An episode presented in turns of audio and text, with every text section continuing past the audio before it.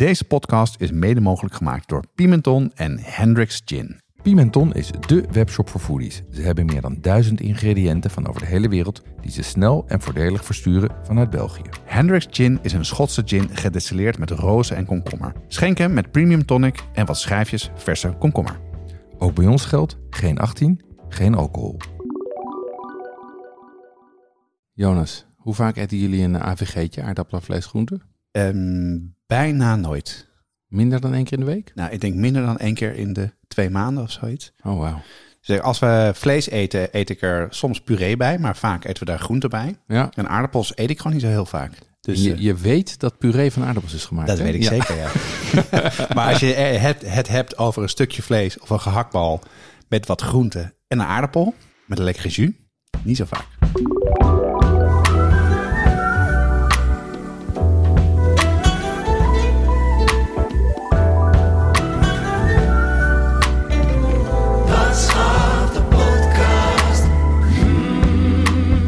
Deze aflevering gaat over patat. Friet. Wat komt er allemaal bij kijken bij het maken van friet? Is het nou friet of patat? Ik denk dus patat. En eh, ik heb net, net friet staan bakken, dus we gaan ook wat proeven. Het ruikt zo lekker, jongen. Ik heb zo'n honger. Ja, en we gaan eh, heel veel dingen behandelen. We hebben heel veel proef gekookt, of eigenlijk gefrituurd. Ehm, en wat is dan het geheim van de perfecte patat? En we hebben recepten voor je thuis kan maken. Eh, en het leuke is, ik heb deze research nu deze keer samengegaan met Jesse Burkunk. De naam heb je al vaker voorbij horen komen. We hebben beide dingen uitgezocht, maar Jesse heeft toch wel de meeste patat gemaakt en gegeten de laatste tijd. Eh, en Jesse zal zo wat meer vertellen over zijn frituurervaringen. Maar vooral heel goed dat je bent, Jesse. Ja, onwijs leuk. Eh, en, en bedankt voor de uitnodiging om mee te werken aan deze podcast. Ja, als, er, heel leuk. als er één ding heel erg leuk is, is het om een heel simpel gerecht uit te, uit te vogelen. eh, meerdere recepten te gaan proberen en uiteindelijk eh, uit te vinden wat de perfecte vorm is om iets, iets klaar te maken. Dus dat hebben we gedaan. Het is tijd voor een drankje, Jeroen. En eh, het is best wel warm hier eh, terwijl we aan het opnemen zijn. Dus ik ben erg toe aan een verkoelend drankje. Maar er staat een heel klein flesje op tafel en kleine glaasjes. Dat betekent niet zoveel goeds. Of, of misschien wel. Wat heb je bedacht? Ja, dat, dat is een verrassing. Ik ga het even voor jullie inschenken. Ik doe kleine beetjes. Oh mijn god. En dit is een, eh, dit is een heel toepasselijk drankje. En een drankje met een, met een historie. Een gezamenlijke historie. Ehm, daar weet Jesse niks vanaf, maar daar weet jij alles vanaf. Dus, het zijn eh, eh, kleine borrelglaasjes die uit de vriezer komen, volgens mij. Want Ja. ze zijn heel koud. Nou, proost jongens. proost. Wow. Zo. Zo, er komt een soort van gemberbom in mijn hoofd. Dat is gember, toch? Dit, dit is, eh, dit is, Holy moly, man. Yeah. dit is eh, flavored wodka. Oh, nu En- weet ik waar je naartoe gaat. En wat ik heb gedaan is, ik heb eh eh, wodka genomen. En daar eh, een stuk citroengras in gegooid. Een stuk Oh, Laos. citroengas. Dat is het, ja. Ja, Ja. eh, een paar uh, dus eh, eh, limoenblaadjes en een, ehm, Peper. en een Spaans peper. Ja, precies. Ja. En, dat een, en dat een paar, paar dagen laten trekken. En dat geeft een hele lekkere, echt vrij pungent eh, eh, eh, drankje. En het grappige is dat ehm, eh, eh, Jonas en ik maakten dit 1996, dus dat is 25 jaar geleden, ehm, op ons eh, eh, afstudeerfeest. Daar hadden wij eh, een grote tijl met droogijs en flessen flavored wodka staan. Dat had ik toen net geleerd in het restaurant waar ik werkte. En, eh, en wodka wordt natuurlijk gestookt van aardappels. Dus ik dacht, nou, dat lijkt mij een, eh, een toepasselijk drankje. Ja, ja, maar ik kan het nog goed herinneren. Dan was er namelijk het drankje dat je, dat je binnenkwam. kwamen mensen uit de lift. En dan hadden we elke keer als, we, als die lift hoorde komen... deden we een beetje water op het droogijs.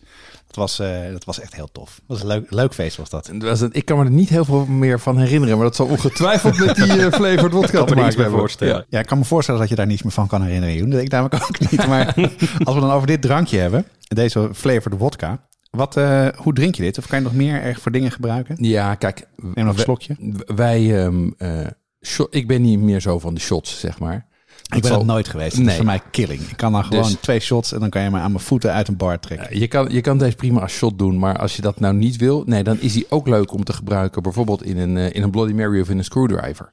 En een, eh, een screwdriver, dus zeg maar een, eh, een, een vodka jus, die krijgt hiermee ook ineens een hele Aziatische eh, eh, swing.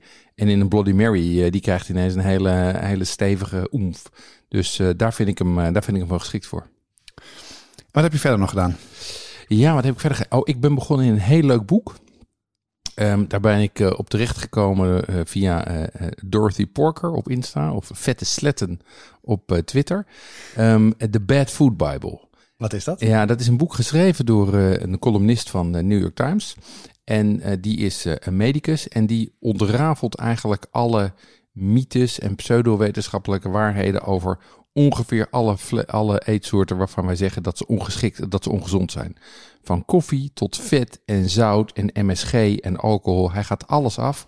Eh, En hij zegt, ja, als het, tenzij het echt wetenschappelijk bewezen is, moeten we ons niet, niet zo druk maken over, eh, over, al het, eh, over alle angsten voor eten. Ehm, want eigenlijk heel veel angsten, bijvoorbeeld ook voor zoetstoffen, is gebaseerd op hele kleine observationele studies. Eh, een voorbeeld wat hij daarin noemt, zegt, ja, mensen, mensen die meer zoetstoffen eh, consumeren, die worden dikker, is het verhaal. Hè? Of mensen die zoetstof gebruiken, worden dikker. Zeker Ja. de, de Cola Light versies of de andere light versies. Precies, maar dat blijkt dat, dat bij dat onderzoek is, dat is helemaal niet grondig opgezet. Het blijkt dat dikke mensen meer eh, Cola Light drinken.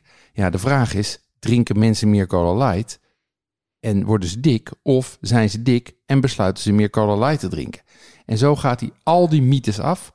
Ik zie daar genoeg in voor een aflevering. Ja, het is echt een fantastisch boek. Een boek naar je hart, hè? Want jij bent hier, sowieso ben je hier vrij stellig in. En al deze voedswetenschappelijkheden en dingen die daar. Ja, maar er, wordt, hebben. er worden zoveel, er wordt zo selectief vaak uit wetenschappelijk onderzoek geciteerd en zulke slechte onderzoeken gebruikt om soort van algemene waarheden over gluten, over zout, over alcohol, over koffie te debiteren. Het is echt, het lijkt, ik bedoel, het is echt op niks gebaseerd. Als we zo onze eh, eh, gezondheidswetenschap zouden bedrijven, dan zouden we nog in de middeleeuwen zitten. Hey, en wat is er nou iets wat we, wat we nou wel mogen, wat we steeds denken dat het niet mag? Nou, eigenlijk mag dus bijna alles. Maar de grootste eye-opener die ik vond, en dit is echt een, een klapper. Als je zwaar bent, kan je gewoon gematigd alcohol drinken. Oké, dat vind ik nogal wat. Ja, dat vind, precies. Dat, dat is ook nogal wat. Maar er is dus geen enkel onderzoek waaruit blijkt dat dat niet kan. Ja, je moet niet 15 glazen alcohol drinken en daarbij roken elke dag. Dat is, dan dan is er een correlatie tussen, Ja. tussen geboorteafwijkingen. Maar bij matige inname helemaal niet. Dus dit is, dit is voldoende om een keer een aflevering over te maken. Leuk, laten we het doen. Wat heb je verder nog gekookt de laatste tijd? Verder ben ik eh, eh, in de groenteaflevering was ik begonnen met een vegan paella. Ja? En toen had ik de smaak te pakken en dacht ik, nou, ik wil ook wel eens een echte paella maken. En ehm, dus ik ben naar Duikelman gegaan, heb daar een paella pan gekocht. Echt waar? Ja, Nou, het lachen. En ik denk dat dat het goedkoopste eh, ding is wat ze bij Duikelman verkopen. Een paella pan bij Duikelman kost 7 euro. Oh, dat is een goeie zeg. Volgens mij kan je normaal alleen een kwastje daarvoor kopen, maar... dus dat was al meevaller. En vervolgens heb ik hem gemaakt met de laatste Oosterschelde kreeft. En dat was echt een fucking briljant gerecht. En hoe had je het gemaakt dan? Ik heb wat foto's gezien en ik denk dat eh, iedereen jaloers wordt als je het gaat omschrijven. Maar doe dat even. Nou ja, het is, eigenlijk is het heel simpel. Je neemt eh, paprika en ui en knoflook en die bak je even in de... In, je, zet, je zet eigenlijk je paella-pan in de kamado. Daar doe je olie in. Daar bak je dus paprika, ui en knoflook in. Vervolgens bak je eigenlijk net als met risotto, bak je die, eh, die paella-rijst. Ja. Dan kieper je er eh, bouillon bij. Ehm, en je doet er wat gerookte paprika en wat saffraan bij. Bouillon, bouillon erbij. eh, wat doppertjes doorheen. Ehm inktvissen doorheen. En dan? Deurtje dicht. Kwartiertje wachten. Oké, en dan komt die. Drie halve kreeften erbovenop. Deurtje dicht. Kwartiertje wachten. Klaar? En hoe was het? Heerlijk. Ja? Ja, de- de wat gebeurt er met die kreeft dan? Want Nou- die paella kan me helemaal goed voorstellen. Maar Nou ja, die, die kreeft die stoomt. Dus zeg, die zit in Ah, ja. een combinatie van die stoom van die kreeftenbouillon die je gebruikte. En de rook. Gaart die. En, en al het vocht wat er uit die gare kreeft loopt, dat druipt dus in die eh eh, paella. Dus dat is een super intense, eh, heerlijke combinatie. is voor verhaling vatbaar. Absoluut. Nou ja. En jij, wat heb jij uitgespookt? Ja, ik heb het in de sous aflevering gehad over de, dat je puree heel goed kan maken sous vide. En een beetje geïnspireerd door jou hadden we een, eh, groep eters. Ehm, en ik had geen zin om eh, op alles last minute te doen. Dus ik heb wat groente inderdaad in de sous gemaakt. Waaronder dus deze aardappelpuree.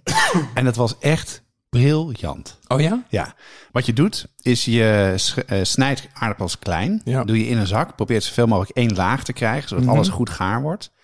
En dan laat je het op eh 90 graden uit mijn hoofd een uur erin zitten. Of Ja. misschien langer, anderhalf uur zelfs. Je doet er al heel veel boter in, zout en zelfs wat knoflook. En wat nou tof is, als je klaar bent, moet je wel eh, ja, overwanten aandoen. Want dat is wel vrij heet. Je haalt het uit het water en je pakt die zak. En het is eigenlijk, ik weet niet of je nog kent van vroeger. Dat je van die zakjes had, een soort van... van Smurfensnot. exact. Ja, Ja. Dat, dat gevoel. Lekker zo in die, in die zak knijpen. Ja, ja. Gaatje erin. Op het bord. En dat was onwijs goed. Het was helemaal niet korrelig of wat dan ook. Echt ga ik altijd zo doen. Top. En verder ehm, ben ik ehm, ook naar Best Secret gegaan. Eh, ik, ja, we- weet jij waarschijnlijk wel, maar ik ben notoire vlekkenmaker. Ik kan niet koken zonder schort. Ik gooi al het glaas, altijd glazen om. Ga ook door stoelen heen. Ehm, en ik heb dus ook wat kleren nodig. Dus ik denk, nou, ik moet even wat nieuwe kleren hebben. Dus ik ben daar naartoe gegaan. En maar wat me toen opviel, Ja. en die heb ik meteen gekocht, is dat ze ook bijvoorbeeld een frietsnijder hadden. Ze hebben ook kookspullen. Oh ja? Ja, dus die heb ik gekocht. Ik Hey. heb wat nieuwe eh, eh, potjes voor in de, in de wat Japanse servies hadden ze ook nog. eh, Voor de Japanse avond. voor de Japanse avond. Ja. En ik heb eh, nieuwe mooie fans eh, schoenen gekocht die voor de zomer passen. Daar, en ik had geen zin om daar de winkel in te gaan. Dus dat was top. Dus, eh, maar jij had het over dat je als een man koopt, Ja. snel klikken. Ja, ik ben hier echt zo lang mee bezig geweest. Want er zit zoveel in dat ik echt drie keer dacht, oh, ik moet even doen. Toen heb ik toch mijn co- computer weer dichtgeklapt. Ik denk, nou, te veel keuze. Dus, eh, en ik heb dus op een gegeven moment ben ik er echt voor gaan zitten. En dat, dat is natuurlijk het, het positieve ervan. Dat er heel veel op staat. Ja. Maar je moet er wel even lol in hebben om, eh, om dat te doen. En onze stagiair op kantoor, eh, die zei, oh, best secret. Ja, dat ken ik heel goed. Oh ja? Dus die ging me allemaal tips geven hoe je het moest doen. Dus, eh, Oh, nice. Heel goed. dus ik ben benieuwd. Het komt binnenkort. En, en verder? Ja, verder zijn wij uit eten geweest. Met z'n tweeën en met onze vrouwen erbij. Voor het eerst sinds dat weer kon. En we zijn bij Rijks geweest. En dat heeft ook een goede reden. Omdat we namelijk daar ook kennis maakten met Joris Beidendijk. En dat wordt onze gast voor de volgende podcast. Dus, eh, en het was echt heel lekker. En heel leuk om ook gewoon een keer weer aan tafel te zitten. En ik weet niet hoe het voor, je, of hoe het voor jou is. Maar ik moet wennen aan weer uit eten gaan. Dat je dus bediend wordt en dat je de tijd moet nemen. Dat vond ik echt, eh, dat dacht ik, had ik nooit verwacht bij mezelf. Oh, ik ging er, ik ging er probleemloos weer op in mijn rol. ik kan dat zo goed. maar dat was heel leuk. Op onze site hebben we ruim 400 recepten staan. Maar voor meer dan 200 ingrediënten moet je toch echt even naar een speciaalzaak gaan of een toko. Ja, en vanaf nu kan je die dingen online vinden bij onze partner pimenton.be. Dat is de webshop voor foodies en hobbycooks. We hebben inmiddels al onze recepten gekoppeld aan een webshop. Bestellen gaat dus heel makkelijk. Het is alleen klikken op een link in de ingrediëntenlijst. Ja, en Pimenton zit in België, maar bezorgt in de hele Benelux voor 3,95. Ga naar pimenton.be om te bestellen. En leden van de brigade krijgen 12% korting. En de actuele kortingscode vind je onder andere in de nieuwsbrief. Goed, ehm, Jonas, jij wilde het graag over eh, friet hebben. Waarom eigenlijk? Nou, ik heb het een tijdje terug gaan, ben ik het gaan maken. Mhm. En toen eh, kwam ik erachter dat het dus best wel ingewikkeld is. Eh, maar ja, iedereen vindt het lekker. Eh, en toch maak ik het eigenlijk nooit thuis. Oké. En ehm, die complexiteit van, de, van, eh, van toen ik het laatst maakte, daarvan denk ik, nou, er moet meer in zitten. En toen had ik het met Jesse over. En die zei, nou, dat wil ik ook wel. Ik vind het leuk om er helemaal in te duiken. En wat we gedaan hebben, we hebben gezocht naar de beste aardappel. Wat voor een bereiding er goed in werkt. En dan hebben we samen besloten om de airfryer over te slaan. Mhm. We dachten van ja, moet in, het, moet in, de, in, de, in, de, ehm, in de vet. Ja. En we hebben onwijs veel patat gekocht. We zijn ook in verschillende plekken geweest om te proeven wat nou een goed eh, frietje was. En onwijs veel gemaakt en het was heel leuk. Ja, je hebt dit eh, samen met Jesse gedaan. Ehm, Absoluut. Jesse kunnen eh, mensen kennen omdat hij onze, onze virtuele kookclub runt voor de brigadeleden. Ehm, en Jesse, jij hebt je gestort op het proefkoken. Welke methodes heb je allemaal uitgeprobeerd? Ja, ik ben begonnen gewoon met de huistuin- en keukenmethode. Gewoon supermarkt eh, friet, bevroren supermarkt friet en dat gaan frituren. Eh, toen ben ik naar eh, de snackbar methode gaan kijken, wat we gemiddeld vinden in een snackbar. Toen heb ik gekeken naar de wat betere snackbar. Er zit er bij mij eentje om de hoek. Eh, een stapje hoger ben ik gegaan. Toen ben ik overgestapt op de, op de traditionele methode. Dat is met, met dierlijk vet. Dat zie je steeds minder gebeuren. Maar ik was toch heel benieuwd naar de smaak daarvan. Ehm, en ik heb de koud starten methode gebruikt. Dat was voor mij een heel ongebruikelijke manier. Daar was ik erg benieuwd naar.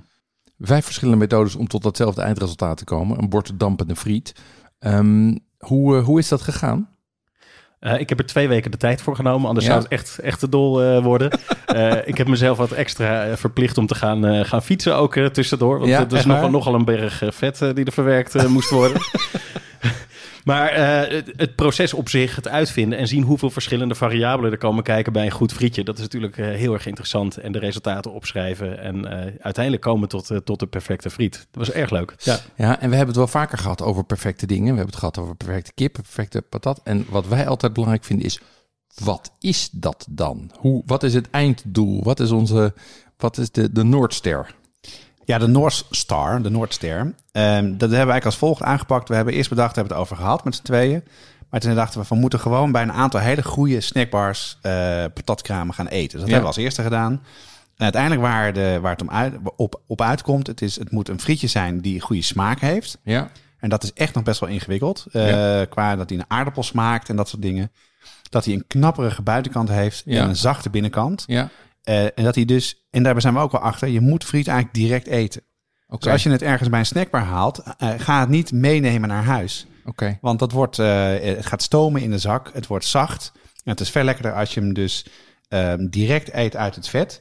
En, ehm, en daarom heb je vaak ook een saus erbij, want die saus is eigenlijk de verkoeler om de hete friet toch snel te kunnen eten. Ik snap het. Dus, knapperig, zacht van binnen, goede aardappelsmaak. En daar komt dus heel erg veel bekijken, zijn we achtergekomen. Oké, maar als ik, deze, als ik deze definitie zoek vervang met kip doe, is dat eigenlijk hetzelfde.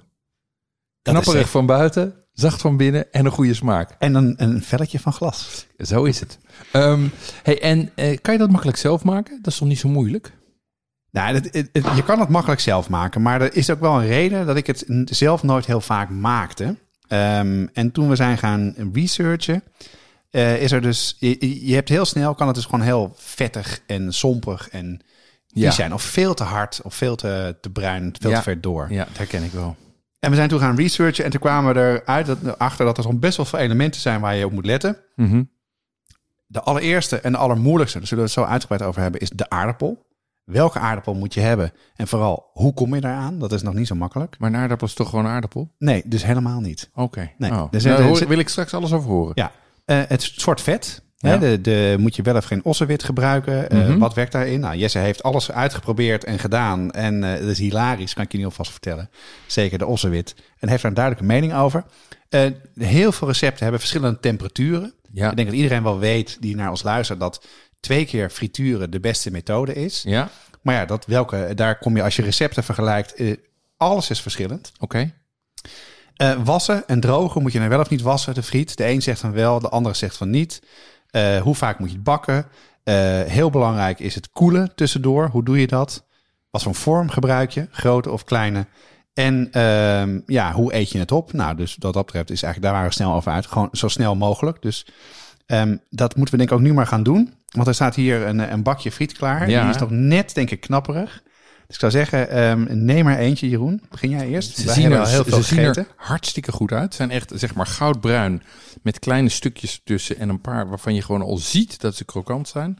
Ik pak er even eentje uit die zeg maar keurige fabrieksformaat heeft. Klinkt goed. Oh. Nou, dit is plenty krokant. Heel lekker. Mm. Heel fluffy van binnen.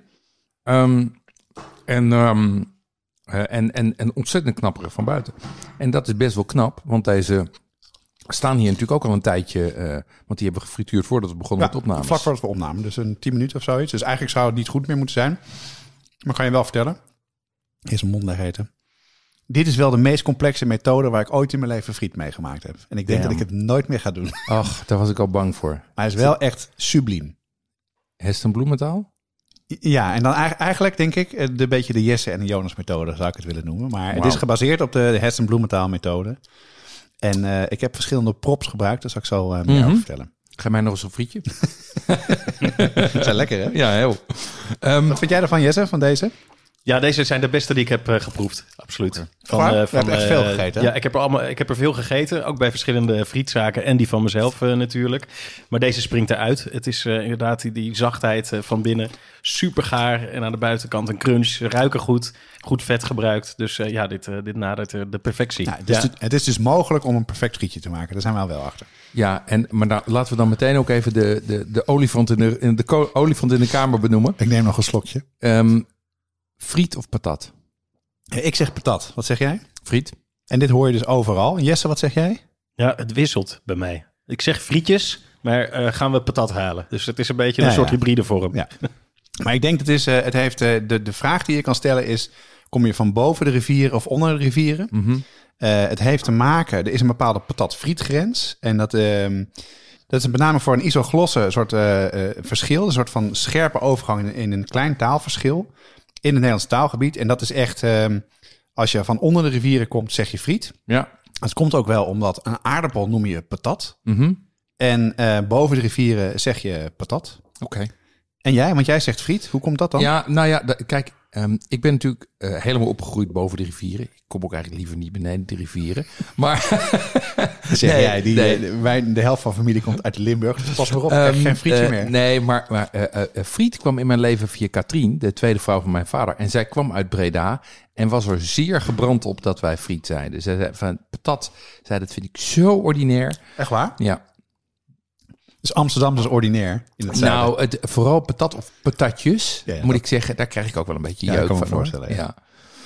Ehm, eh, maar goed, eh, waar komt friet of patat dan vandaan? Wat is, hoe is het ontstaan? Wat is de historie? Ja, de historie is, ehm, daarvoor hebben we geluisterd eh, naar een aflevering van Gastropod. Dat is een culinaire aflevering, een podcast waar we vaker wel over gehad hebben. En die waren naar het Frietmuseum gegaan in, in Brugge, geloof ik. Of Gent, maar ik heb het vergeten, een van de twee. En die, ehm, daar werd een verhaal verteld over waar het vandaan komt. Nou, in, in het kort, er zijn twee verhalen. Het komt of uit Parijs, Ja. eh, dan heb je op de Pont Neuf eh, had je een, eh, een frietzaak. En dat vind je ook nog terug. Want er staat geloof ik volgens mij op de, op de brug staat er ook een afbeelding van frietjes. Oké. En Escoffier, een van de beroemde eh, dus, chefs en kookboeken, die had in 1903 een recept waarin het stond. Hè, dus ook eh, frietjes eh, in vet. Mhm. Maar goed, dat is, dat is dus Frankrijk en Parijs. Een ander verhaal is dat het eh, vooral uit Vlaanderen komt. En dat is vooral een link met Spanje. Vlaanderen was in die tijd, toen de, de friet ontstaan was, onderdeel van het Spaanse Rijk. En de Spanjaarden bra- brachten natuurlijk vanuit hun overzeese zeilreizen en plundertochten de aardappel onder andere mee terug. Ja. Dus die was daar sneller. En ehm, wat je vooral, wat ze vertellen in die, in die podcast en wat je ook leest, is dat eh, het vooral een ehm, historie heeft en te maken heeft met kermissen. Eh, er waren veel kermissen waar stands waren, waar, Ja. waar, waar friet werd gemaakt. En zo is ook, althans werd, wordt gezegd, de, de twee keer frituren methode ontstaan. Omdat in de rustige tijd, als er geen gasten waren, werd er één keer gefrituurd om het voor te bereiden. Zodat je sneller dan een concurrentie in de tweede keer een perfect frietje kon neerzetten. Ja, ja, ja, wat slim. En hoe zit het dan met friet in Nederland? Ja, friet in Nederland is eigenlijk, eh, heeft dus zeker een, een connectie met Vlaanderen. En dus rondom de grens was dat eh, eh, best wel... in, in Breda bijvoorbeeld werd er in, waarschijnlijk rond 1870... eh, werd daar op een kermis ook friet gegeten. Mhm. En de eerste frietzaak was in Bergen op Zoom in het begin van 1900. En pas boven de rivieren, waar we patat zeggen... was het echt pas bekend na de Tweede Wereldoorlog. En dat, Na dat- de Tweede Ja, Wereldoorlog. daar was ik echt verbaasd over. Best wel laat, ja. Ja. ja.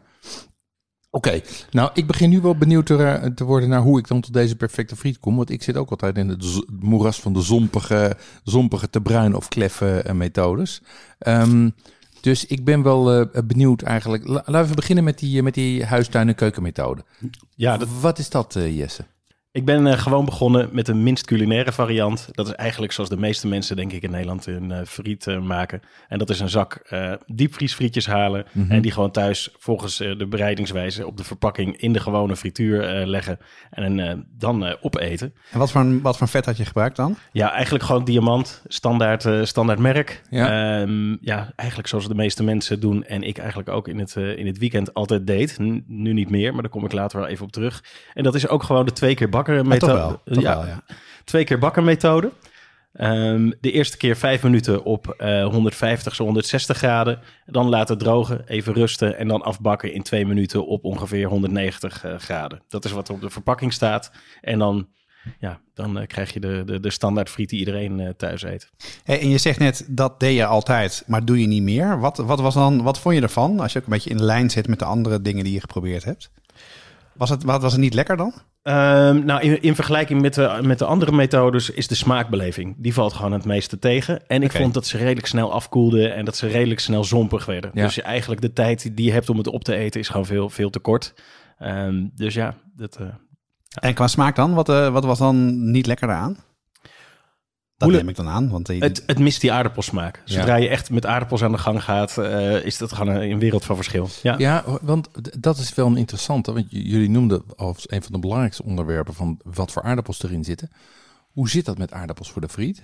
Eh, dat is echt, Jeroen, een soort van eh, rabbit hole, dat wil je niet weten. Eh, om even de scène te schetsen. Ik heb op meerdere supermarkten op, de, op mijn knieën op de grond gezeten. Alle zakken uit de schappen gehaald. En gaan kijken welke aardappelen zitten er in de zakken.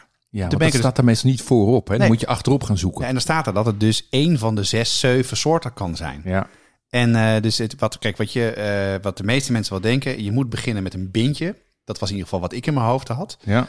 Ehm, ja, dat, dus ik kwam er al snel achter, die vind je dus niet zo goed. En er is echt een heel groot verschil tussen aardappels die goed zijn voor frituren Mhm.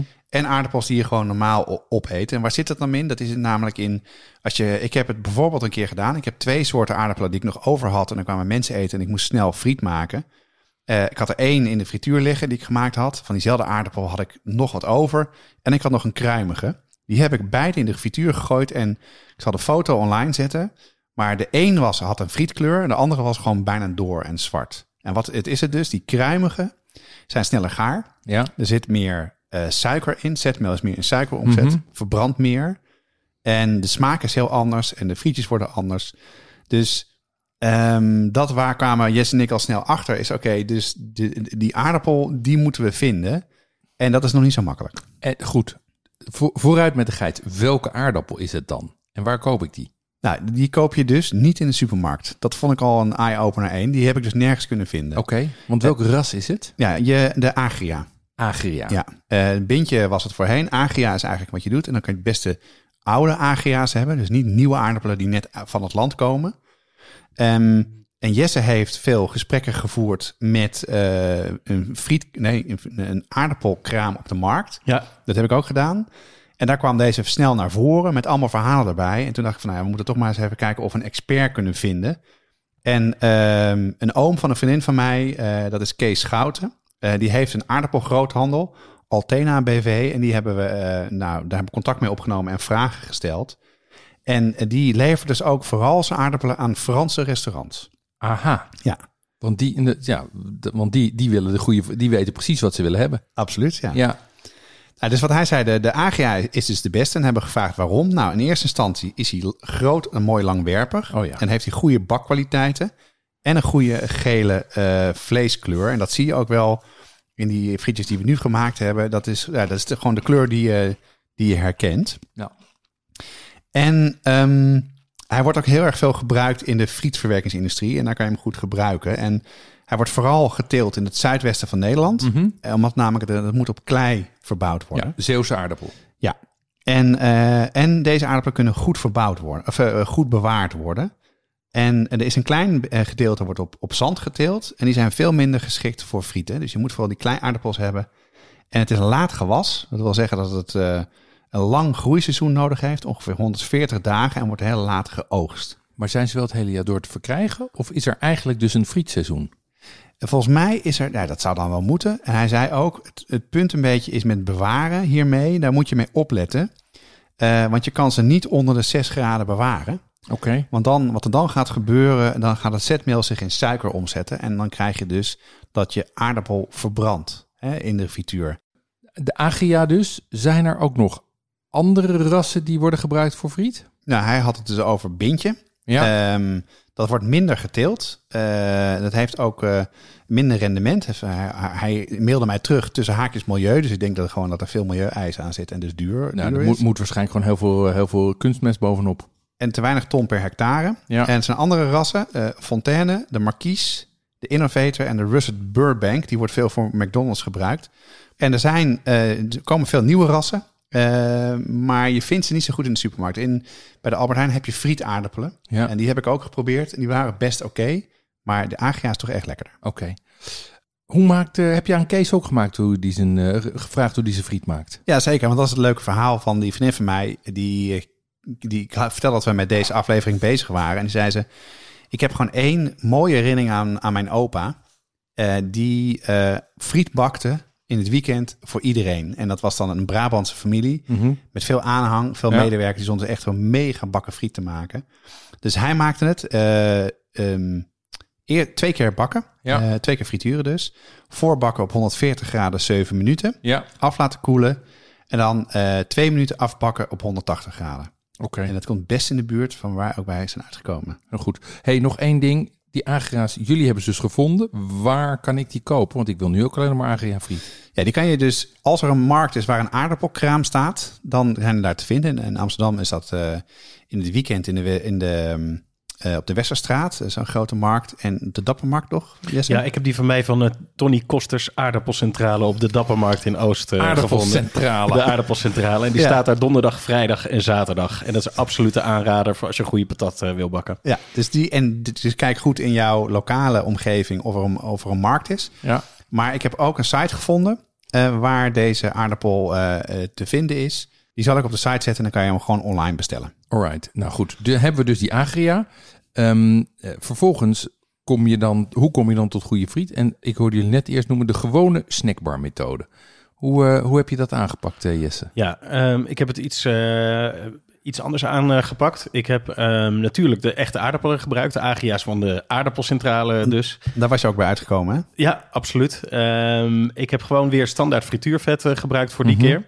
Eh, ik heb wel één ding veranderd. Even, wat is standaard hier? Is dat... Is dat eh, diamant. eh, diamant, oké. Ja, gewoon wat je bij de supermarkt ja. eh, koopt. Mhm. Ehm, ik heb alleen één ding aangepast. Ik was mijn frituurpan zat. Die is niet nauwkeurig genoeg. Dus ik heb een, een gietijzeren pan genomen, Ja. vrij grote. Die heb ik gevuld met, die, met dat vet. En daar een thermometer in gedaan die wat nauwkeuriger was. Zodat Ja. ik ook betere processen in de gaten kon houden. Slim. Ehm, ik had een frietsnijder eh, gekocht, omdat ik natuurlijk wilde als je verschillende soorten gaat eh, proberen, dan moeten ze ook allemaal even dik zijn. Ja. Het heeft- heeft nogal invloed op, eh, op de smaak. Zo is het. Wetenschappelijke opzet, ik hoor het. Absoluut, zeker Ja. wel. Ehm, en toen ben ik gaan frituren. Ehm, de eerste keer zeven minuten op ongeveer 140, 150 eh, graden, zo precies ertussen. Heb ik het uit laten lekken, ongeveer een half uurtje laten rusten. En toen heb ik het afgebakken op 180, 190 graden. Eh, ik zeg daar een variatie in, omdat zodra je natuurlijk het, eh, de friet in de olie gooit, dan gaat hij weer een beetje naar beneden. Dus Ja. ik merkte dat, dat ik hem altijd 10 graden hoger deed dan waar ik op uit wil komen. Ja. Eh, ook omdat ik iets minder olie gebruikte dan de frituurpan. Dus dat is wel, denk ik, een tip als je, dat wil, als je het wil gaan proberen. Zeker als die friet gekoeld is, om dan wel iets hoger te gaan zitten. Wat ik, wat ik even miste in, in jouw verhaal, want we gingen van, ik ging nu van de, van de, de eier, van de frietsnijder meteen de pan in. Oh, Was je en droog je ze tussendoor? Ja, of dat hoe is doe je een dat niet? Dat is een heel goed punt. Ehm, Daar hebben we veel discussie over ja, gehad. daar hè? hebben we discussie over gehad. Ehm, sommige mensen zweren bij het wassen vooraf. Ja, Hè, dus even eh, eerst snijden, dan in een pan koud water. ja zo Ehm, ken ik het. Zeker. Eh, en anderen zeggen je moet het alleen maar drogen. En het wassen zou ervoor zijn eh, om het zetmeel eraf te wassen. Precies. Terwijl sommige recepten juist zeggen die zetmeel zorgt voor de krokantheid. Wat heb jij gedaan? Ehm, ik heb er, uiteindelijk heb ik twee batches gemaakt. De ene eh, gewoon... eh, Ja, ja. Heel goed, Nee, that's, that- that's the way forward. ja, toch? Ja, Dus ja. ik heb er eentje heb ik gewassen, de andere heb ik eh, gedroogd. En een AB-testje? AB-testje gedaan. En ik vond uiteindelijk dat de gedroogde versie echt gewoon veel beter eh, uit de verf kwam. Ja. Goed. Dus en, en wat dan, dit is zeg maar de gewone snackbar methode, de, de, de redelijk toegankelijke. Ehm, wat voor resultaat gaf dat? Ehm, ja, vele malen beter dus dan eh, de diepvrieszak. Dus, en het is vrij eenvoudig. Als je zo'n frietensnijder hebt, je stopt ze erin en ze liggen er zo uit. Het is vet opwarmen en je kan los. Ja, Het mooie van deze oudere agia's is ook dat je ze lang kan bewaren. Dus je hoeft ook niet bang te zijn dat je, dat je uitlopers krijgt. Dus koop een grote zak en eh, nooit meer diep, eh, diep- supermarkt diepvriesfriet voor mij. mooi, mooi. Ja. Ehm, deze keer heb je de friet gebakken in, in normaal frituurvet, diamant zei je net. Ehm, heb je nog andere dingen geprobeerd? Ja, ik heb, we hebben verschillende dingen besproken en, eh, en uitgeprobeerd. Ehm, je hebt dus standaard frituurvet, Mhm. wat de meeste mensen kennen. Ehm, rijstolie. Eh, daarvan hebben we toch de beste resultaten. En ik bleek, ik bleek rijstolie al heel erg lang te gebruiken. Ik heb gewoon ooit een keer zo'n ding in de, in de supermarkt gepakt. Het is heel neutraal. Ja, en ossewit, dat hoor je, dat lees je heel veel. Eh, dat werd vroeger heel veel gebruikt om in te frituren. Zelfs eh, in het verleden werd er ook ehm, eh, paardenvet eh, gebruikt. was een beetje 50-50. Mhm. Jesse heeft dat gedaan. Heeft dat, eh, dat is een hilarisch verhaal, gaat hij zelf vertellen. En ik kwam ook nog tegen ehm Janneke Vreugdehil. Die heeft, heb ik ook nog even contact mee gehad. Want die heeft een hele serie gemaakt met artikelen over de perfecte friet. Mhm. En zij kwam uit op kokosolie. Oké. En, of kokosvet. En dat is eigenlijk eh, geurlozer. Maar ga, heeft dezelfde soort resultaat als je het in ossenvet maakt. Ik heb dat niet gedaan uiteindelijk. Om, want het rijstolie bleef was eigenlijk gewoon het lekkerste. Ehm, en wat ook heel grappig is, dat had ik me nooit gerealiseerd. Maar je moet het eigenlijk van vet in vet frituren wat al wat ouder is. Wat Aha. namelijk al een beetje is afgebroken. En wat er dan gebeurt, dan binden de oliemoleculen beter aan de aardappel. Dus wat veel mensen doen, die kopen nieuw vet, doen het in de frituur. En dat is eigenlijk, eh, je krijgt een beter resultaat als je gewoon wat ouder vet hebt. Dus eh, eerst wat bitterballen maken, of wat kroketjes. Ja. En dan eh, daarna de friet gaan maken. Goed, helder. Dat, dan, dan zijn we dus eigenlijk uitgekomen met een lichte voorkeur voor rijstolie. Ehm, maar dit was nog de gewone snackbar-methode. Ja. Waarin eh, frituurt de kwaliteitssnackbar dan? De, betere- frietboutique. Ja, daar heb ik ook zeker onderzoek naar gedaan. Dat zijn verschillende eh, soorten, maar ook hier hoor je veel rijstolie terug. Dus Ja. dat heb ik, eh, heb ik gebruikt voor de kwaliteitssnackbar methode. Ehm, en ik merkte de vorige keer met de gewone snackbar methode dat hij toch iets te slap was. En Mhm. ik had het idee dat hij de eerste keer dat hij gebakken moest worden, te snel bruin begon te worden. Dus ik heb de temperatuur verlaagd. Ja. Ik heb een paar minuten toegevoegd aan, het, aan het bakproces. En heel belangrijk, ik heb meer tijd genomen tussen het koelen, tussen de eerste keer en de tweede keer eh, bakken. De eerste keer nam ik een half uur. Ik dacht, nou, ze zijn wel uitgerust en hop weer door. Eigenlijk zoals het op de verpakking Ja. ook altijd staat en de simpelere recepten. Ehm, maar dit keer heb ik echt gewacht tot ze gewoon eh, kamertemperatuur waren. En Ja. toen nog even in de eh, koelkast gedaan. Toen heb ik er een dun laagje bloem overheen gegooid. Had ik ergens over gelezen. Oké. Toch weer voor die extra krokiness. En toen heb ik ze de laatste twee minuten eh, op een heel hoog vuur eh, afgebakken. Heel goed. Wat- Wat interessant is wat jij zegt, die langere wachttijd. Want dat herinner ik mij ook van, eh, van, van de frietjes uit mijn jeugd. Ehm, daar werd eigenlijk meestal al na de lunch werd er voorgebakken. Om pas drie of vier uur later te gaan afbakken. Ja. Dus ehm, En je krijgt geen frietje- frietjes als je patat zei, denk ik. ik kreeg, dan kreeg ik helemaal niks. Dan werden mijn handjes in het vet geduwd. nee, helemaal niet. Maar ehm, eh, goed, dus, dus dat, dat langere afkoelen is belangrijk. Wat, voor, wat, voor, eh, eh, wat gaf dit voor eindresultaat? De betere, de frietenboutique methode. Ja, dit, dit was Frietjuwelier. Dit was eh, verreweg eh, de beste die ik heb gemaakt. Even Oké. Los van die we nu aan het proeven zijn. Die gaat weer misschien net een stapje verder. Ehm, de smaak van de aardappel kwam goed tot zijn recht. Ik vond hem super krokant. En ja, toch die rijstolie die is heel neutraal. Dus je hebt niet dat vieze, vettige, walmende, walmende effect. Heel, heel zuiver effect. Ja, Oké. Goed, de, nou nu hebben we dus de, we hebben de, de huistuin- en keukenmethode gehad. We hebben twee eh snackbarmethodes. De gewone, de patat van de hoek Ja. en de friet van de frietboutique. Dan komen we nu bij de traditionele methode. De naam spreekt me al aan. ja. Ehm, eh, wat, wat, wat is de traditionele methode? Ja, kijk, als je een beetje onderzoek gaat doen naar de geschiedenis van, eh, van de patatfriet, dan kom je er toch uit eh, dat je gaat bakken in niervet. Ossewit eh, wordt het genoemd. Dat zijn van die mooie zuivere blokken. Ja, Maar eigenlijk traditioneel gaat dat in niervet. Nou heb ik eh, gezocht naar ossewit. En ik kon het behalve online nergens vinden. Ja. Ik was eigenlijk te laat om het te bestellen. Hm, herken ik heel erg. Heb ik ook gedaan, maar het was vrij moeilijk. ja online. Echt alleen. Ja, Ja, ja. kan je niet in de supermarkt eh, zelf eh, krijgen. Een beetje paniek, maar eh, uiteindelijk ben ik bij de lokale slager De Wit uitgekomen in Amsterdam. En ik vroeg hem naar een niervet. En die kwam uit de kelder aanzetten met twee zakjes met witte substantie. Beetje bloederige, bloederige troep. ja, ja. En ik denk, nou, dat, dat wordt leuk eh friet te bakken. ik, zag Ehm, de, ik zag de foto's al die je had gestuurd. Dat zag er echt eh, best wel bloody uit. Ja, het was best wel bloederig, ja. En eh, ik denk, hoe ga ik hier nou fatsoenlijk eh, vet eh, van maken? En? En dat ging eigenlijk best wel makkelijk.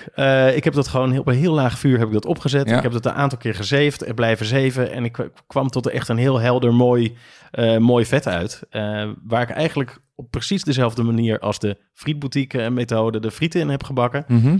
Ehm, en het effect was heel interessant. Ehm, ik serveerde de frietjes eh, voor mijn vrouw en die kreeg meteen nostalgische gevoelens. Ja. En ik eigenlijk ook wel.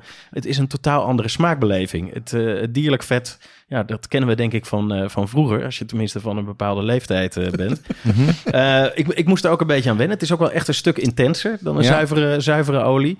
En- Maar ik kan me heel goed voorstellen dat als je dat met een licht stuk wild doet... of of een mooie salade erbij, dat het juist heel mooi kan uitkomen. Ja, en jij hebt hier natuurlijk geen geraffineerd niervet gebruikt. Want volgens mij is ossewit nog wel wat verder gezuiverd. Zeker, Hè? ja, het zou best kunnen zijn dat daar een Ja. soort van verschil tussen zit, zeg maar, tussen, tussen rauwe melk en, en gepasteuriseerde melk. Absoluut. Dus ja, dit was wel Ehm, heel rauw. Ja. Ja. Ja, nee, dat kan ik me voorstellen.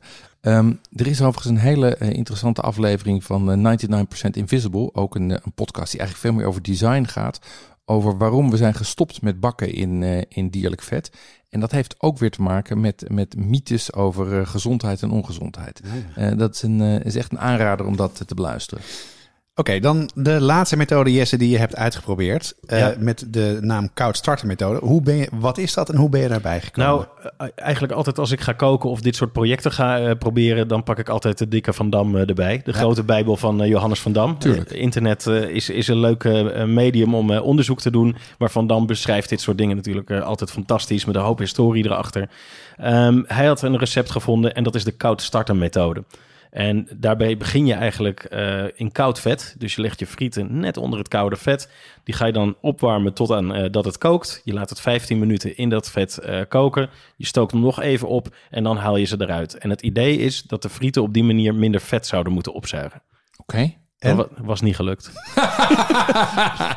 was geen Nee, succes. was geen succes. Eh, en dat kan natuurlijk zijn dat ik het verkeerd heb gedaan. Ik heb het ook niet nog een poging gedaan. Er zit, eh, wat ik al zei, er zijn meer variabelen.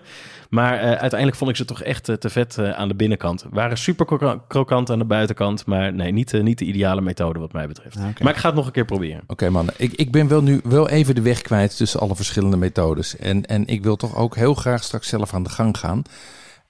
Wat is de beste methode om het zelf te maken? En, en misschien moeten we dan, zoals we wel vaker doen, onderscheid maken tussen een methode die het perfecte resultaat geeft en eentje die het bijna perfecte resultaat geeft, maar 20% van de moeite van het perfecte resultaat.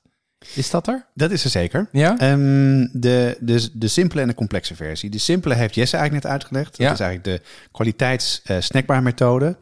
Ehm, daar eh, neem je dus agia aardappelen. AGA. En die, die schil je. Dat is ook wel een ding, want eh, als je ze niet schilt, de schil kan veel minder krokant worden. Er Mhm. zit natuurlijk wel veel meer smaak en eh, vitamines in, maar het is toch beter om te schillen. Ja. Ehm, dus niet wassen, hebben wij eigenlijk bedacht. En in kleine batches frituren. Ja. En je doet het in twee keer. De eerste keer op 130 graden, 8 minuten. Ja. En het is vooral ook even af en toe kijken naar de frietjes. Ze moeten niet, ver- niet verkleuren. Ze moeten Mhm. niet echt bruin worden. Ze mogen wel een beetje gelig worden. Anders gaan ze te ver. Eigenlijk is het gewoon garen. Het is garen. Want ja. dat, dat is precies wat je doet. Je gaart de binnenkant van de aardappel zonder de buitenkant hard te laten worden. Oké. Want zo krijg je dus een van, de, een van de dingen voor een perfect frietje. Een zachte, romige binnenkant. Zo is het. Dan laat je ze afkoelen. Eh, eh, heel koud. Dat kan je het liefst in de ijskast doen. Ehm, eigenlijk zou ik zeggen, doe dat of inderdaad zoals jij zei met de lunch. Of een dag van tevoren. Oké. Avond van tevoren. En dan Overnight fries. ja, dan zou ik ze zelfs in de vriezer doen. Als daar ruimte voor is. Oké. En de tweede keer frituren op 180 graden. En dan doe je vier minuten tot ze krokant worden. En dan, eh, dat is ook een beetje kijken van ehm, dat ze niet te ver gaan verbranden. Heeft ook een beetje met de dikte te maken. En daarmee krijg je gewoon echt ontzettend lekkere friet. Ik pak er nog eentje. Ja, maar dat is niet de simpele methode die je nu eet. Nee, oh, help. Ja, Nou, dat is wel is- een deceptie. die is crunchier. Maar ik ben, ik, ik ben met angst en beven. Ik hoor de bloementaal al voorbij komen. Ja, dat, eh, dat is hem. Kom Nou. maar op met de zevendaagse methode. Nou, we hebben eh, hier best wel vaker gehad in de virtuele kookclub over eh, frieten. Ik had een keer Mhm. gezegd dat ik het gemaakt had. En toen was, werd meteen gezegd, je moet de triple, triple cooking methode van Heston Bloementaal doen. Oké. Ik heb zijn boek, ik heb Ja. het erop nageslagen. En de eerste keer dat ik dacht ik, oh nee toch, dat ga ik niet doen. Nee. Nou, wat is dat? Zijn methode is ehm, de aardappel helemaal gaar koken in water. Oké. Zodat hij helemaal bijna uit elkaar valt. Mhm. Zodat er ook een beetje soort dingetjes aan de buitenkant komen waar dan het vet in kan zitten. En dan krijg je, wordt hij goed krokant. Ja. Dat heb ik niet gedaan. Ik heb het sous vide gedaan. Ik heb de aardappels sous vide gedaan in een zak, meteen teruggekoeld en in de vriezer gegooid. Wacht even. Dus aardappels geschild, in frietjes gesneden. Die in een zak gedonderd Ja. en die sous vide gegaard. Ik had nog geen frietsnijder, dus ik heb dan eh, voor mijn verjaardag een plank gehad voor OCD-mensen met al die streepjes erop. Ik heb heerlijk met een muziekje op, heb ik alles op 1, 1 centimeter gesneden. Oh, heel zen. Lang mee bezig Ja, geweest. ja. Fantastisch resultaat. Eh, in die zakken doen en dan, dan invriezen. En, en eh, doe je ze dan in een dikke bal erin? Of doe je ze keurig eh, op, op, op, op, op lengte gesorteerd? Nou, ik zou dus, dat, dat heb ik, ehm, ik heb ze erin gaan en geprobeerd één, één soort laag te creëren. En ik had een beetje haast, dus ik heb het niet goed genoeg gedaan. Dat heb ik wel gemerkt toen ik ze ging ontdooien. Want toen zaten ze best wel in elkaar en dan breken ze wel. Ja, Dus ik zou ze inderdaad echt, eh, eh, als je dan een OCD bent zoals ik, dan eh, dat leuk vindt, dan een beetje er zo in doen. Dus dat zou ik wel zeker doen. Af laten koelen. Ja. Dus, eh, ontdooien. En hier moet je ze dus droog krijgen. wacht even, ontdooien. Oh ja, want je hebt ze in de vriezer Ja, gegooid. dus je ontdooit ze en, en, en het vriezen doe je eigenlijk om het vocht eruit te halen. Maar daarvoor frituur je, daarvoor gaar je ze toch ook al de eerste keer, of niet? Ja, maar toch wil je zoveel mogelijk vocht uit die friet hebben. Dan krijg je een beter krokkanter resultaat. Je, er gaat meer vocht uit als ze een keer ingevroren Nou, zijn het is zelfs zo maf. Ik heb het gewogen. Dus ik had eerst eh, een zak met vijf. Nee, met, eh, ik had twee kilo in totaal wat ik ingevroren heb. Ja. En bleek uiteindelijk 950 gram over te houden. Toen ik Van dus, twee kilo? Ja, toen ik het dus de, de eerste keer gefrituurd had. Dus hij komt uit de vriezer, ontdooit het. Ik heb eh, bij de buurvrouw aangebeld om haar föhn te lenen. Want eh, dat ging me niet snel genoeg. Ah, now we're talking. Ja, ja. En zei ze, ik heb hem wel morgen nodig. Dus ik, ja, ik ga alleen maar mijn friet feunen. Toen keek ze, ja, je, je, je bent echt gek. Maar dat werkt perfect. Want dat heb ik ook gelezen. Die, dat krijgt een soort waxy buitenkant. Dan wordt die buitenkant ook beter van. Ehm, dan eh, hier doe je de eerste keer frituur. Dus de tweede stap die je doet met bakken. Dat doe je dus ook op 130 graden, maar korter. Vijf minuten. Ja, Dat was nog best wel lang, want het werd heel snel bruin. ja. Dus eh, daar moet je goed op letten. Af laten koelen. Heb ik weer ingevroren. En Wacht, even, wacht even, wacht even. Dus ze hebben gekookt, gefrituurd. Nee, gekookt, ingevroren, gefrituurd, ingevroren.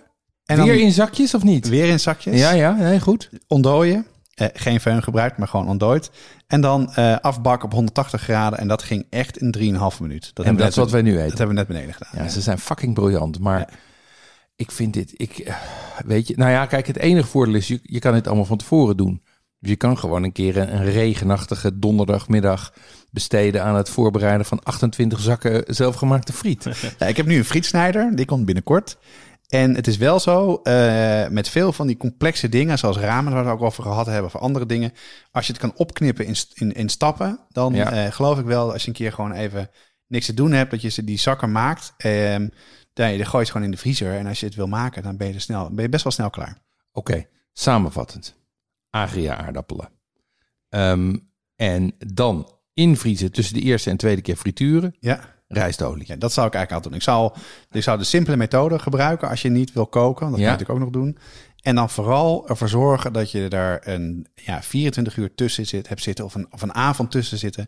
Dat je hem in tussen de eerste en de tweede keer frituren invriest. Ja, dus dit is eigenlijk een synthese van, eh, van de, de eenvoudige methode en de hele complexe methode. Dat je vriezen wel gebruikt om dat vocht eruit te jagen, maar dat je niet gaat voorkoken en dat je niet twee keer gaat vriezen. Nee, en ik heb dus dit, dit ook toevallig gedaan. En dat Jesse volgens mij ook. Maar die had op een gegeven moment te veel eh, eerste keer gefrituurd en, en ingevroren. En ik heb toen, wat ik net vertelde, dat ik het eh, gemaakt had voor, voor mensen die thuis waren.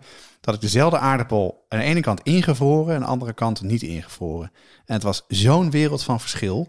Het was alsof ja, de garing door was gegaan. Eh, Hij was niet meer, niet meer hard. Hij was zacht geworden uit de vriezer. Het was ongelooflijk. Ja, wat er natuurlijk gebeurt is bij dat bevriezen breken natuurlijk die celstructuren. Dus alle, alle, al die cellen die anders nog hun vocht vasthouden, die breken nu en, en die laten het dan allemaal los. Dus ik snap, ik snap het proces wel. Ik, dit kan ik wel handelen, denk ik. Eén keer frituren, invriezen en dan affrituren. Dat, eh, dat zeker, ja. Eigenlijk maak je dan gewoon zelfgemaakte diepvriesfriet. Ja, maar dan eh, in de super chique methode en thuis. En dat is echt goed te doen. Alright. Goed, nu hebben we die friet. Ehm, friet eten de meeste mensen met. Ehm, ik, heb hier een, eh, ik heb hier een klodder mayonaise liggen. Deze heb ik niet zelf gemaakt. Maar daar hebben jullie ook nog even naar gekeken, toch? Ja, zeker. Kijk, wat de reden wat we eerder al zeiden, je moet friet heet eten. Dan blijft hij krokant. En dat is echt een tip. Die je moet gewoon, eh, net zoals pasta, moet je meteen eten. Wat je altijd zegt, dat moet je met friet ook doen. En dan is de, de saus is eigenlijk een verkoeler. Waardoor je je mond niet brandt. En mayonaise, dat kan je heel goed zelf maken. Eh dan kan je dus de, een ei door in een kom doen. Beetje mosterd, witte wijnazijn, zout. En dan ga je eerst het even goed go- doorroeren. En dan met de garde sla je eigenlijk de olie er doorheen. Mhm. Dat is goed te doen. Oké, Maar best een proces. ja. Maar er is ook een snellere methode. En die heb ik ooit een keer op vakantie, was de mayonaise op bij vrienden van ons in Frankrijk. En toen zei ik, heb je, heb je dit, heb je dit, heb je dit? Ja, heb je. Heb je een staafmixer? Ja, die heb ik ook. Ik had een keer op televisie gezien. Ik had alles in de staafmixer in zo'n, in zo'n bak, hoge bak gegooid. Ja, Staafmixer erin. Ik trok hem één keer naar boven en het was mayonaise. top. Ja, en toen hebben ze me later echt vervloekt. Want dat hebben ze daarna echt, echt vijf keer geprobeerd. Nooit meer gelukt. Hoe kwam dat? Nou, en dat is dus, eh, daar kwam ik ook mee. Dat was de tip die Janneke ook gaf. Die had net een artikel geschreven over de 10 seconden mayonaise methode. En die is ooit beroemd gemaakt door Joop Braakhekken Ja. op televisie.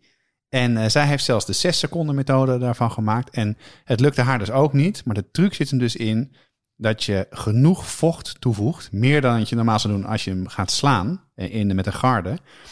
Omdat het goed moet. Ja, je hebt meer vocht nodig om een goede. Eh, die, het proces van. eh, Die emulsie. Emulsie Natuurlijk, goed dat is het. Ja, dat snap ik. Dat en er zijn ik. er twee tips voor. Of je neemt een heel ei. Ja. Niet alleen maar de eidooier. Ja, Want 95% van het eiwit is water. ja, Er zit nog een stofje bij wat ook als emulgator dient. Dus heb je eigenlijk er twee, zowel de eidooier als het eiwit. Of gewoon twee eh, eetlepels water bij een eierdooier. En dan mislukt die nooit. nice. En ik zal het recept, mocht ik van Janneke, wat zij in het NRC geschreven heeft, op de site zetten. Dus dan kan je precies zien wat je moet doen.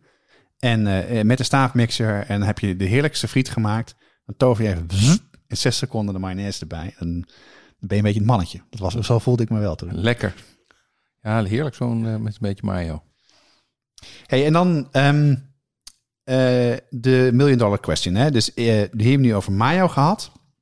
Maar hoe eh, eten jullie hem? Met frietjes. Ja. Ik vind gewoon goede mayo zoals deze vind ik ontzettend lekker. Ehm, maar eh, ik hou ook van eh, speciaal met ketchup. En jij, Jesse? Ja, voor mij het liefste met Vlaamse mayo, maar dan moet hij wel zelf gemaakt zijn. Ik vind die lichtzurige smaak vind ik erg goed. Eh, ja, of gewoon de smerige oorlog met uitjes. Hoppakee. Ja, ik, eh, ik eet hem altijd speciaal met curry. Dus niet met ketchup, maar met curry. Speciaal met curry, hartstikke goed. Ehm, wat eigenlijk, ik geloof niet dat we eerder een, een aflevering hebben gehad waar we, waar we, die we volledig hebben besteed aan een bijgerecht. Hè? En ik moet zeggen, als ik deze friet eet, dan is het ook echt een star of the show. Ehm, maar volgens mij kunnen we er ook, zijn er ook internationaal wel voorbeelden te noemen van hoe je, laat ik zeggen, friet gebruikt als, eh, als excuus om er een hele maaltijd omheen te bereiden. Toch? Ja, er zijn er een paar bekende, denk ik. En, eh, en ik moet me altijd, ben altijd weer eh, verbaasd. Mijn schoonzus woont in Engeland. Dus wij zijn vaak in Engeland en dan Ja. eten we vis en chips. En als je dan de patat eet, dan moet je je even, even instellen op de, de kick van de azijn die je krijgt. Ja, Want dat wordt dus voornamelijk met azijn wordt er overheen gedrizzeld. Dus vis en chips, patat met azijn. Als je daar aan gewend raakt, vind ik het altijd wel weer lekker, moet ik zeggen. maar ik krijg daar vaak slechte friet hoor in Engeland. Ja, dat is soggy, hè? Echt Ja. soggy. Ja, eh, ze- niet, niet deze briljante krokantjes. Maar over soggy friet gesproken, je hebt natuurlijk in Spanje heb je patatas bravas. Ja. Dat zijn dan niet frietjes, maar vaak aardappelpartjes. En dan zit er een, een dressing overheen. Ja. Met, weet je wat het is? Dus- Ja, het- hoe je dat eigenlijk... het- Je, je hebt de, de chique methode is eigenlijk met een romesco saus. Oh, oh, dat is best Ja, lekker, ja. ja en, eh, maar wat de makkelijke methode is, die ik stiekem eigenlijk lekker vind, is met brava saus. Die nam ik vroeger altijd mee uit, eh, uit Spanje. Gewoon een paar, eh, een paar van die flessen in mijn, eh, in mijn tas. Die moet je dan overigens ook bij de goedkoopste supermarkt kopen. Want als je die bij El Corte Inglés of een van de high-end winkel gaat kopen, dan krijg je dus die, krijg je dus die, Romesco variant. Eh, maar die kan je, kwam ik er daarachter ook zelf maken, door gewoon tabasco door je ketchup te mengen. Oh, Easy peasy. en dat, en dat ga je er overheen. En Mayonaise nog erbij? Ja, alleen? mayonaise ook. Ah, ja. ja. Ehm, en, eh, de- en dat is en alleen eh, wat wel belangrijk is in eh, Spanje is daar patatas bravas frituur je in olijfolie. Ja, En dat doet ook echt wat voor de smaak. En dan zijn ze vaak ook soggy, hè? Een beetje slappig, dunne patatjes. Ja, Heel lekker, vind ik ze altijd. Hey, en jij hebt het wel eens gehad over poutine. Dat komt uit Canada. Wat Ja. is dat? ja poutine is eigenlijk een soort van de de de de de, de chique variant van loaded fries. Ehm, dat zijn eh, frietjes en daar gaat overheen een eigen soort verse kaas. Ehm, die naam is me even ontschoten, maar een, een, een, eh, een, een dus flunt, of zeg maar snippers, verse kaas en jus. Oh ja? Ja, Daar overheen. gravy. En daar gravy overheen. Uit een potje. Eh, uit een potje of gewoon zelf gemaakt van een magieblokje. Ja, ja. En, en je hebt het wel eens gemaakt, toch? Was ja, lekker? is lekker. Ja, dit is, dit is natuurlijk, dat, dat zit in de hoek van, van laat ik zeggen, de lekkere vette bek, zoals, zoals het zuur vlees. Ja, maar dat is een ander gerecht. Hè? Dat, eh, dat hebben we het eerder over gehad. Mhm. Dat zullen we ook bij de show notes zetten. Eh, dat is echt, als je het hebt over traditioneel friet eten met een gerecht. Ja. eh, zeker in het zuiden, eh, waar ook de friet in Nederland dan eh, als eerste vandaan gekomen is, is zuurvlees. Hè? Ja, en, en in Vlaanderen. de- Vlaanderen in, ja. Vlaanderen ze Stoofvlees. patatje stoof. Ja. Ja, frietje stoof. Ehm, ja, eh, zoervlees is eh, eh, rundvlees dat je stooft met laurier, bouillon en appelstroop. En dat bind je dan met peter, peperkoek. Dus dat Ah. geeft een soort zoet-zure smaak. En overigens, als je het op de echte traditionele methode maakt, maak je het van paard. Aha. Nou ja. Dus eh, dan kan je van dat paardenvet, als je daarin frituurt en vervolgens eh, met je eh, en vervolgens van de rib, van de lappen van het paard je zuurvlees maakt, dan heb je een hele traditionele frituurvlees en ruzie met alle dierenliefhebbers om je heen. Er is ook nog wel een andere trend die je nu ziet. eh, en dat is friet met toppings. En dat li- lijkt natuurlijk het hele stoofvlees, zuurvlees verhaal. Dat is Ja. natuurlijk de oorsprong. Eh, ik had ooit in Austin, Texas, had ik een, eh, een friet bedekt met eh, kimchi en pulled chicken. Eh, ook zo'n soort van variant. En eh, bij mij in Amsterdam-Oost heb je Freddy's, eh, Freddy's Friday. Uh-huh. die ook dat soort dingen serveert. Hè? Bijna kapsalonachtig. De basis is goede friet. Ja. En daar gaat dan weer een lading, lading sla of kaas overheen. En dan weer pulled chicken of, of iets anders. Ja, Nou ja, jij noemt hem kapsalon, die hoort natuurlijk ook eigenlijk in dit rijtje Ik had thuis. echt zo gehoopt dat er niet over zou hebben. Goed, we gaan snel door. Ja, precies. Ehm, ik, ik, ik moet zeggen, ik ben, bij mij is het licht nu aan qua friet zelf maken. Ik ga dit ook zelf proberen. Ehm, maar eerlijk gezegd, zeker als ik ook nog moet invriezen, dit is wel bijna project koken. Als ik gewoon denk van ik wil even frietjes halen, waar doe ik dat dan? Nou, dat, eh, dat hebben wij, daar zijn, daar zijn we al mee begonnen. Ehm, wat we, willen gaan proberen is een, eh, een lijst op de site zetten, vergelijkbaar wat we met asperges gedaan hebben, waar je dus de lekkerste patat in Nederland kan eten. Dus niet alleen maar in en rond Amsterdam, juist niet, juist de rest van Nederland en Vlaanderen. Dus we hebben al best wel wat suggesties gehad, Ja. die, eh, die gaan we erop zetten. Dus eh, als je zelf ergens bij je lokale patatkraam of frietboer, wat dan ook, of de chique frietkraam hebt gegeten en het is te gek, er is wel één voorwaarde, je moet het gegeten hebben en het moet goed zijn. Dan kan je naar de site gaan eh, bij de, en dan eh, kan je daarop een formulier invullen en je ge- suggesties doorgeven. En dan zullen we die allemaal gaan verzamelen en op de site gaan zetten. En dan als je trek in een frietje hebt, maar dan in een goed frietje, dan eh, weet je die te vinden. Dus ook als ik een keer in Zwolle ben en ik wil goede friet eten, kan ik daar vinden waar het is. Als het Zeker is. weten. En zelfs eentje, en dat was het leuke, er was, iemand had eentje doorgegeven en die was op de Tweede Maasvlakte. Ja. En daar bleek ehm Hiske Versprillen ook geweest te zijn. Die had daar net een heel verhaal over in de Volkskrant geschreven. Oh dus ja? eh, er zijn goede tips binnengekomen. Nice.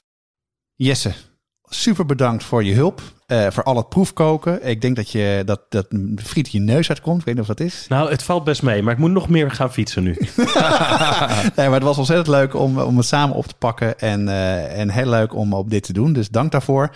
En het is tijd voor het vegetarisch repertoire. Ehm, Ik ben benieuwd wat je daarvoor hebt uitgekozen, Jeroen. Ik denk geen friet, ook al is dat natuurlijk vegetarisch. Maar misschien goed om ook even uit te leggen waarom we het vegetarisch repertoire hebben. Ja, wij hebben, eh, ik, ik heb overigens nog een andere vegetarisch repertoire meegenomen. Maar eh, waarom we het vegetarisch repertoire hebben, is eigenlijk omdat we natuurlijk allemaal wel wat minder vlees willen eten. Hè, minder maar beter. Ehm, en we er eh, een anderhalf jaar geleden achter kwamen dat heel veel mensen eigenlijk onvoldoende repertoire hebben op vegetarisch gebied. Eigenlijk niet veel verder komen dan twee of drie gerechten. En daarom hebben we gezegd, we gaan elke aflevering die we maken, gaan we een vegetarisch gerecht toevoegen. Wat je idealiter door de week en in sommige gevallen ook in het weekend als, eh, gewoon als, als leuke nieuwe toevoeging op je repertoire kan hebben. Dus dat je niet een AVG'tje doet, maar een AAG, maar dan echt lekker. Zo is het, ja. Ehm, Wat heb jij uitgekozen? Ja, wat, ik, wat ik keer? heb uitgekozen is een, eh, een, een salade met Le Puy linzen en geitenkaas. Le Puy linzen zijn die kleine, hele donkere Franse linzen. Nou, dat zijn lekker. Ehm, En eh, veel te weinig. ja, en die hoef je ook niet te weken. Dus die kan je gewoon la minuut koken. Ehm, die kook je met, eh, met, een, eh, met, met wat kruiden. Dus met een tijm en rozemarijn. En je kan hem ook met een, met een blokje groentebouillon of, of groentebouillon uit, een, uit je eigen voorraad koken. Ehm, en vervolgens meng je daar zoete tomaatjes, eh, bleekselderij, zachte geitenkaas, verse tijm en olijfolie doorheen. En dat geeft een heel, een heel lekker eh, zomers gerecht, zeg maar maaltijdsalade, maar wel met voldoende body. Want waar ik zo van baal altijd bij de maaltijdsalade, is dat ik een uur later toch alweer een reep tonies uit de kast pak. en, en, Of stiekem een frietje zat te, te Nou frituren, precies. wat je uit de vriezer nee, en hebt. deze is echt, en hier thuis is dit echt een, echt een topper. Ja, dat klinkt goed. Als je deze podcast eh, luistert en je vindt hem leuk, abonneer je dan. Klik subscribe of abonneer in Apple Podcasts of follow, volg op Spotify. Dat kan je nu meteen doen tijdens het luisteren. Elke twee weken op donderdag staat er een nieuwe aflevering klaar. Meld je aan voor onze nieuwsbrief. En zodra er een aflevering live gaat, staat, ontvang je een e-mail met alle recepten en andere informatie die erin staat. Wat schaft de podcast wordt gemaakt door Jonas Nouwen en mijzelf Jeroen Doucet. Deze aflevering is geproduceerd door Jesse Burkunk. Het online team bestaat uit Corian Straathof, Annie Tasselaar, Paul Veldkamp en Cato van Paddenburg. De muziek is gecomponeerd door Nico Brandsen en Ton Dijkman en uitgevoerd, uitgevoerd door Mel en Vintage Future. Reacties kan je sturen naar jeroen.watschaftepodcast.nl of jonas.watschaftepodcast.nl of je stuurt ons een DM via Instagram, Facebook of Twitter. Tot de volgende keer. Tot de volgende keer.